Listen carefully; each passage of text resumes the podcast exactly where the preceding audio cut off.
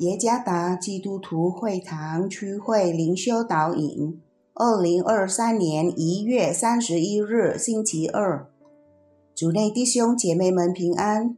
今天的灵修导引，我们要借着圣经以斯帖记第四章十三到十四节来思想今天的主题：神的旨意从无错误。作者郑燕辉传道。以斯帖记第四章十三到十四节，莫迪改托人回复以斯帖说：“你莫想在王宫里强过一切犹大人，得免这祸。此时你若闭口不言，犹大人必从别处得解脱，蒙拯救；你和你父家必至灭亡。”焉知你得了王后的位分，不是为现今的机会吗？根据印度尼西亚语大词典 “KBBI”，坚定不移意思是决心，或者可以定义，为了让自己达到更美好、更远大的目标，暂时离开虚幻的欲望。坚定不移不仅关系到有关动机或决心去达成某件事，还包括控制自己的思想、心态和日常的生活习惯。莫迪改是一位意志坚定的人，在犹太人被掳到巴比伦的时期，莫迪改也在其中。他被掳后。居住在波斯国的首都苏珊城，莫迪改是一个热爱他民族的犹太人。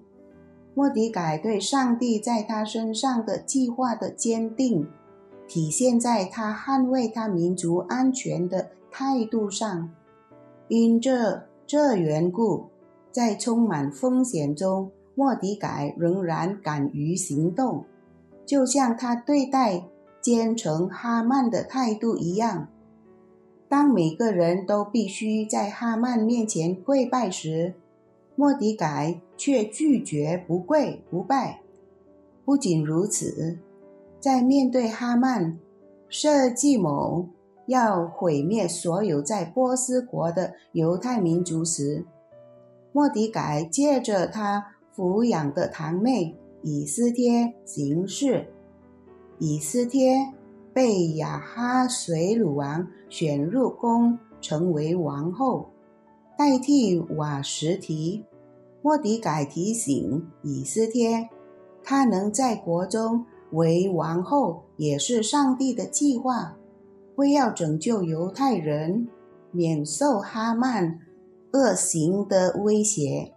虽然他没有亲眼看见。永生的上帝却默默地积极工作，通过莫迪改来拯救他的子民。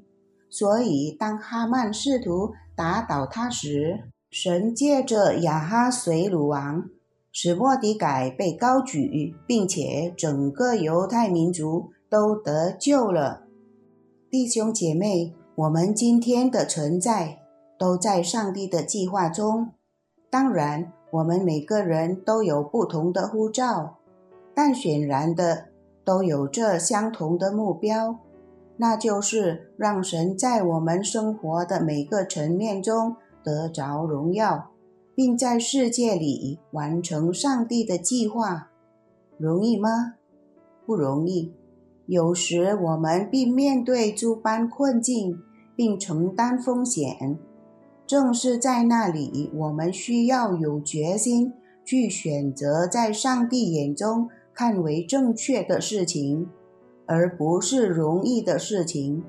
坚定心智，持守上帝的应许，因他常与我们同在，从不撇下我们孤单一人。有上帝在我身旁，我愿不惜。任何代价来完成他对世界的计划。主耶稣赐福。